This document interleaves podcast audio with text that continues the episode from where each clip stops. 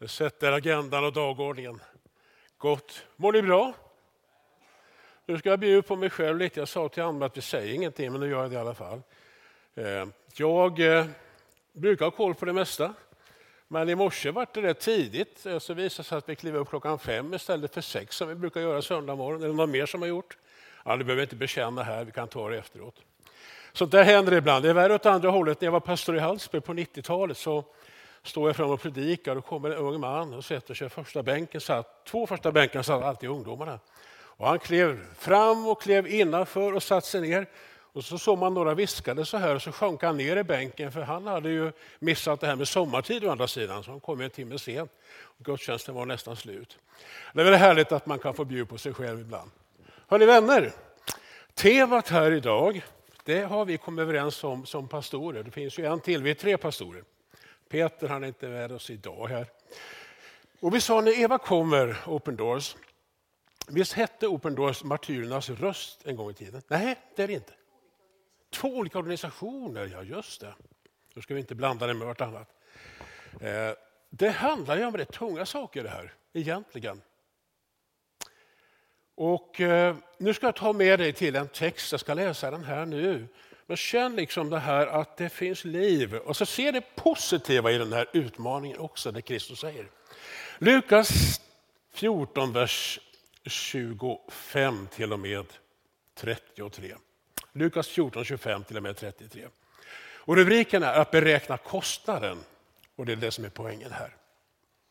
Stora skaror vandrade med Jesus och han vände sig om och sa till dem, om någon kommer till mig och inte sätter mig högre än sin far och sin mor, sin hustru och sina barn, sina bröder och systrar och även sitt eget liv, så kan han inte vara min lärjunge. Den som inte bär sitt kors och följer mig kan inte vara min lärjunge. Om någon av er vill bygga ett torn sätter han sig inte först ner och beräknar kostnaden och ser om han kan fullfölja bygget. Annars, om han har lagt grunden men inte lyckas bygga färdigt kan alla som ser dig börja håna honom och säga den mannen började bygga men lyckades inte bli färdig.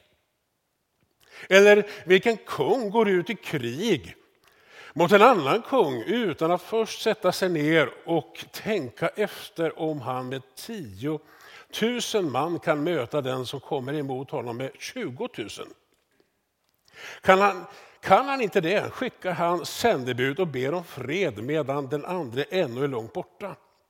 På samma sätt kan ingen av er vara min lärjunge om man inte avstår från allt han äger. Himmelske far, vi ber att du ska helga oss i din sanning, för ditt eget ord är sanning. Amen. Den första urkristna bekännelsen den var kort, två ord. På grekiska bibelns, Nya testamentets grundspråk så sa man Kyrios Jesus, eller Jesus Kyrios, och det betyder Jesus är Herre. Och egentligen har jag varit bestämd på Jesus är Herren, det är också en sak. Från början i romarriket var det ingen som höjde på ögonbrynen. Kejsaren brydde inte så mycket, för det fanns ju väldigt mycket gudar även i det romerska samhället. Folk tillbad lite både det ena och det andra. Så kejsaren brydde inte så mycket om det. sprang några stycken där och bekände Jesus som Herre. Och du vet den första tiden, de första kristna, då, då tänkte man om, om de kristna i romarriket, det där är en sekt, och man kallar det för Nazarens sekt. Och man tänkte att det här kommer att självdö så småningom. Det dör ut, det planar ut. De var så vana vid det här. Det kom snabbt upp och försvann nästan lika snabbt bort. Sen började det hända lite, för kejsaren egentligen, han ville ha att folket skulle vara underdåniga. Alltså som kejsare och regent så såg man närmast att kejsaren var begudad. Och man skulle liksom offra till kejsaren och man skulle tillbe kejsaren. Och man sa på samma sätt om honom, kejsaren är herre. Ända till kejsaren började upptäcka att de kristna menar något annat. Det var inte bara att man sa Jesus är herre. För det var egentligen våra bröder och systrar i urkyrkan sa, ja Jesus är herre, men kejsaren är inte herre. Då blir det tuffare för de första kristna. De vägrade att böja sig och när man kom till tro då avsade man sig alla avgudar och all annan tillbedjan. Man bad bara till himmelens Gud, till hans son Jesus Kristus och man tackade för den helige Ande. Urkyrkans tid så definieras att vara kristen inte bara att man sa ja till någonting utan också vad man sa nej till för någonting. Och det var farofyllt. De första kristna kom att få uppleva det snart förföljelse. Och då kom ett ord som egentligen betyder att vittna. Eller vittnesbörd, ordet martyria på grekiska, kom att betyda någonting ganska allvarligt. Och det var det jag tänkte på, martyrernas röst. Det vill säga, att vara en martyr det var inte bara att vittna om Jesus, utan det var på skarpt läge. Det var i skarpt läge, det var nära. Med livet som insats som man var den som bekände Jesus som frälsare i sitt liv. När vi tänker så här och vi har hört den här texten och tänker vi det här är tufft. Därför att du och jag, vi är svenska västerländska kristna, vi är inte vana att tänka så här.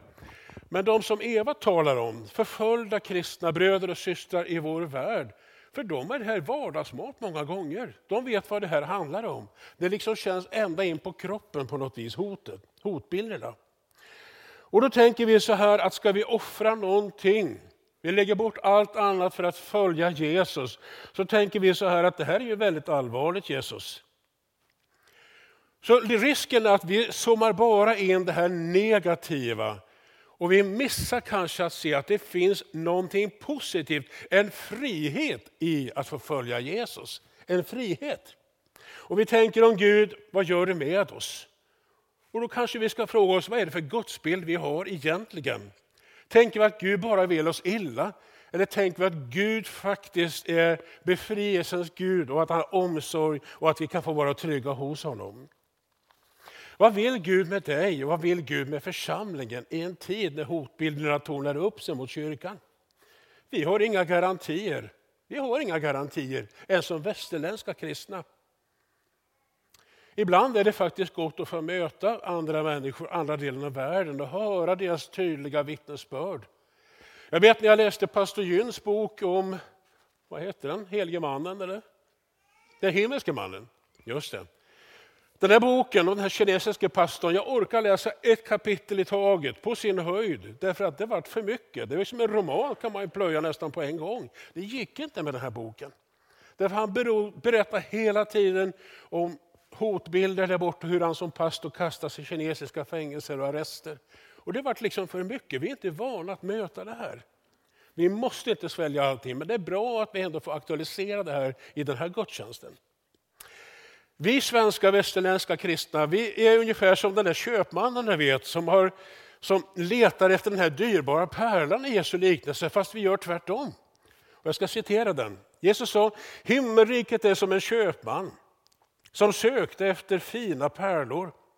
När han fann en mycket dyrbar pärla så gick han och sålde allt han ägde och köpte den. I vårt fall så har liksom den här pärlan som talas om är dyrbar har satts ett alldeles för lågt pris. Sen när det talas om för oss att det här är en dyrbar pärla, vad gör vi då? Vi behåller hellre pengarna då istället för att köpa den. Det är lite av den essensen. Det finns en väldigt stark scen när Jesus vid ett tillfälle talar till den lärjungaskaran, men så finns det några sådana här sympatisörer runt honom. Jag skulle kalla dem ett engelskt ord för hangarounds, som är som hänger på, ni vet, liksom rytter runt omkring. Och de kan ju finnas överallt, sympatisörerna. Och då börjar Jesus, han har talat om sig själv som livets bröd. Och så upplever då Jesus i djupet av sitt innersta. Här är en massa människor som inte förstår detta med lärjungaskapet egentligen. Och då börjar han tala till folket som lyssnar här. Att jag, alltså man, för att få dela det eviga livet så måste man äta min kropp och dricka mitt blod. Han talar naturligtvis om sin korsdöd. Det står i texten att det här blev helt enkelt för mycket för många av dem som lyssnade. De stack iväg, de lämnade Jesus, de orkade inte höra. Och ibland undrar jag, behövs en sån sållning? Det är vad som hände här. Och så säger Jesus till lärjungarna där, inte tänker väl ni också lämna mig? Efter lite betänketid tror jag, det står inte i texten men jag tänker ändå, så kliver Petrus fram och säger, Herre, till vem skulle vi gå? Du har ju det eviga livets ord. Vi tror och förstår att du är Guds helige. Att du är Guds helige. Säkert hade Petrus i den här stunden tillsammans med andra lärjungarna att de är bara människor som kött av kött och blod som du och jag. Kanske tyckt att du Jesus, det där var lite väl magstarkt det du sa nyss. Märkte du inte att de var besvikna när de andra stack iväg? Vi var ju, kände liksom att nu är det församlingstillväxt på gång här. Men de stack iväg. Det är till och med så att jag känner att det här är lite mycket. Kanske tänkte Petrus och de andra på det här sättet. Och ändå svarar han, Herre, till vem skulle vi gå? För du har det eviga livets ord och vi förstår att du är Guds helige. Det var som någon ofrånkomlig tyst röst viskade genom Petrus. Jag har inget val, eller du har inget val. Jag har inget val, du Jesus är främst. Du är allt för mig. Och Jag skulle tro att det där svaret var något signifikativt för alla lärjungarna. Sen vet vi att det fanns en ibland dem som hette Judas Iskariot. Han valde en annan väg senare där. Petrus också, han förnekade Jesus men fick upprättelse. De här männen stod där, och det fanns ju kvinnor med som följde Jesus naturligtvis, och de gick emot strömmen. Ann-Marie och jag har varit ett par gånger i Thailand och eh, på Phuket, det kanske ni har varit också. Katta Beach och Karon Beach och allt vad det hette, de här ställena. Solat och badat i Indiska oceanen. Ni som vet eh, hur jag funkar vet att jag gillar att bada. Och jag har varit i det där havet, Indiska oceanen, och gått upp. Ni vet det här med röd och svart flagga, alltså det ändå badar alla så det är när man inte ska bada. Även jag. Eh, och jag går så här och träffas av en våg ända upp så här i nacken och blir omkullslagen och ligger där med hela kroppen och huvudet under vatten med ansiktet ner mot eh, sanden där i havet. Och så känner jag helt plötsligt hur det bara suger till under mig med starka underströmmar som drar utåt. Och man ska ha respekt för det där, det gick bra för mig den här gången. Men det är oerhört starka strömmar. Och det är inte så lätt att stå emot det där när strömmen, strömmen drar fram. Likadant så, vi har bott uppe i Umeå på Umedalen, väldigt nära Umeälven i nio år. Och så gick man ofta ner där. Och där var vi också en sommardag och badade i en bukt utav Umeälven där den är nästan som smalast. Arboretum norr, jag tittar på Robert, han vet vad det här är. Ovanför staden, upp efter älven. Eh, där ska man inte ge sig ut och simma i strömfåran lovar jag, för då kan man fara... Alltså, Umeå ligger inte ute vid havet, det är två mil in. Man, man, kan lätt nästan fara ända ut i havet och så får man simma till Finland. Då. Eh, det är väldigt starka strömmar, men jag har badat i den bukten och känt hur stark kraft det är i det här. Men jag har också gått efter älven och sett hur laxen leker och simmar uppströms så här och hoppar. Louise Hofsten skrev en låt som hon sjöng och framförde på Melodifestivalen för kan det vara ett tiotal år sedan. Som hette så här att endast bara döda fiskar följer med strömmen. Du vet. Det är lätt. Då är det liksom stora sjok med död fisk. Men laxen simmar mot strömmen och kanske ensam. Jag lovar dig, det är bättre att vara som en lax. Nu ska inte vi pröva att simma uppströms efter älvar, för det är starka krafter i dem. Jag tänker att få vara så, att vara en Jesu lärjunge och kunna stå emot strömmen där alla säger hitåt ska du gå. Nej, jag vill gå ditåt istället, jag vill följa Jesus. Alltså Jesus utmanar sina lärjungar i alla tider att lämna allt, bära sitt kors och följa sin mästare. Naturligtvis menar han ju inte att man ska strunta i mamma, pappa, man, hustru, sina barn, syskon och det här. Alltså, på Jesu tid, bland de här rabbinerna som samlade lärjungaskaror, så var det tillåtet att använda så kallade hyperboler, det var betänkliga överdrifter, för att förstärka sitt budskap. Det var ett sätt att tala. Man får inte skruva Jesu liknelser, men Kärleken till mamma, pappa, syskon, barn och allt det här och föräldrar, det ska förefalla vara väldigt blek jämfört med kärleken gentemot Jesus. Då kanske du förstår lite poängen. Jesus först, säger han. Och Han menar det här, och han är inte självisk. Det är tillåtet för Jesus att säga det här. Han är Guds son och han är frälsaren, vill rädda oss människor. När första lärjungarna hörde det här, kallelsen till uppbrott, följa honom Och så småningom då, när det visar sig att Jesus ska komma och dö på ett kors, för de visste också att Moses lag sa förbannade var och en som hängs upp på trä, en träpåle. Och det var som en förutsägelse om vad som skulle komma och hända med Jesus. Och den stunden Jesus går den här Via Dolorosa-vägen ut i Golgata kulle och han bär den här tvärslån till den fastgjorda pålen. Han häggs upp på ett kors.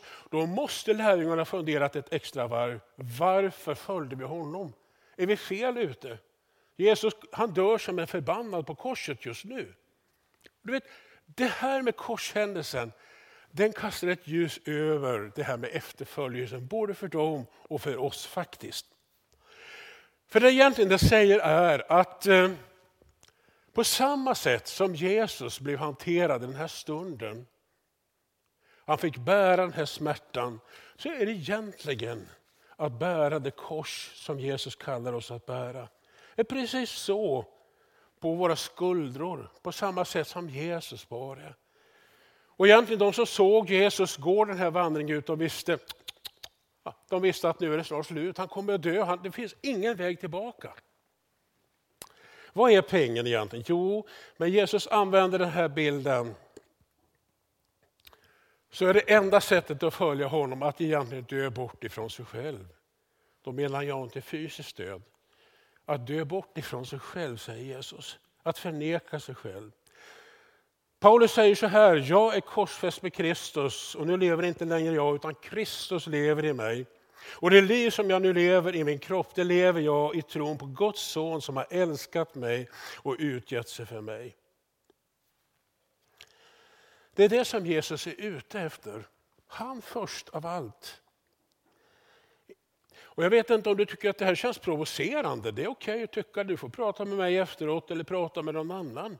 Men det är liksom den kallelsen som Jesus faktiskt ger oss här.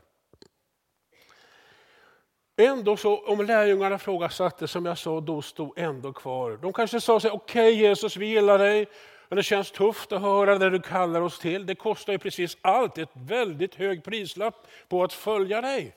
Men ändå vi vill vara tillsammans med dig. Ett annat ord av Paulus, han säger så här, men allt som förr var en vinning för mig räknar nu som en förlust för Kristi skull. Ja, jag räknar allt som en förlust för jag har funnit det som är långt mera värt. Kunskapen om Kristus Jesus min Herre. För hans skull har jag förlorat allt och räknar det som skräp för att kunna vinna Kristus och bli funnen i honom. Alltså att följa Jesus det är som att ha en, en, två vågskålar så här, en våg. Jesus är i den ena vågskålen, det är bara en. Vi har fått lära oss som såg på Magnus, Brasse och Eva att fyra nu ska vi se. Fem myror är fler än fyra elefanter. Det är ju sätt att räkna. va? Fem myror är fler än fyra elefanter. Fyra elefanter blir en enorm massa och fem myror blir väldigt lite. Men antalsmässigt så är det ju fler där. Och då kan man ju tycka så här, ja, Jesus i ena vågskålen, han är en. I den andra kan det vara allt emellan två saker till tusen saker kanske i våra liv. Och man kan ju tycka att det väger upp då. Det är ju mera i den där. Här är omvänt i fem, en fem myror och, och fyra elefanter.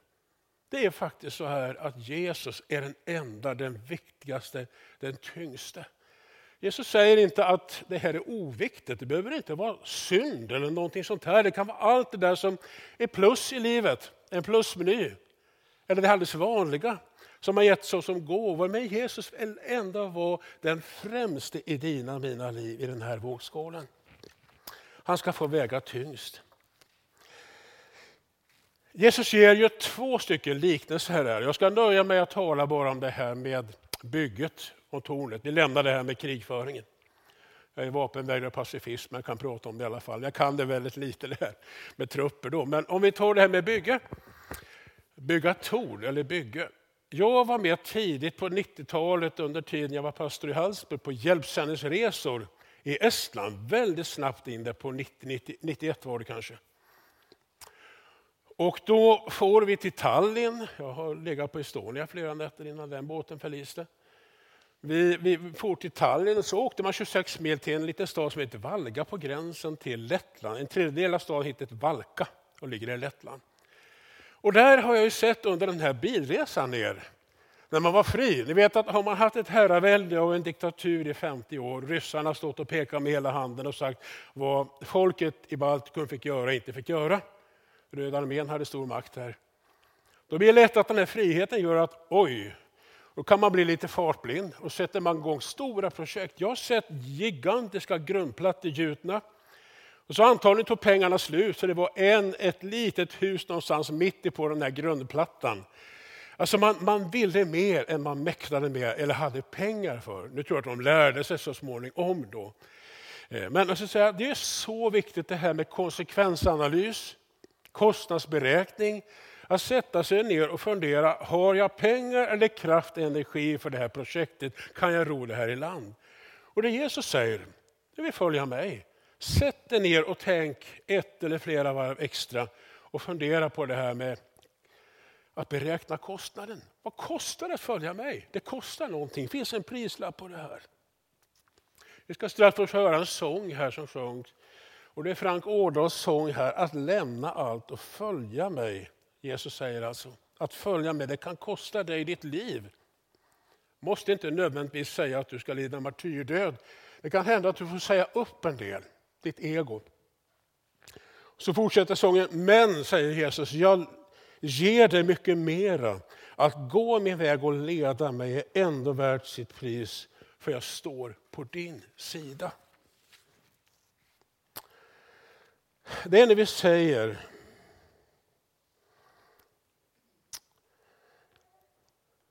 Det är när vi säger till Jesus, ta hand om mig, ta hand om rodret, ta hand om mitt liv.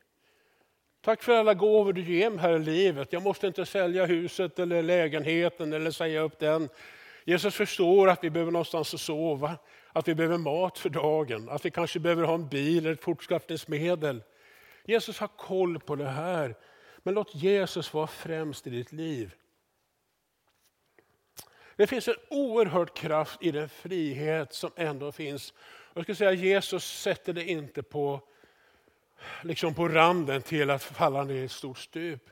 Alltså Jesus ger dig sitt beskydd och sin omsorg. Kallelsen är tuff men belöningen är ojämförlig. Han säger kom, följ mig, beräkna kostnaden, ta ditt kors. Och jag tänker, tänk på den mannen i liknelsen som sökte den dyrbara pärlan och han fann den. Jesus är den pärlan i ditt liv. Amen.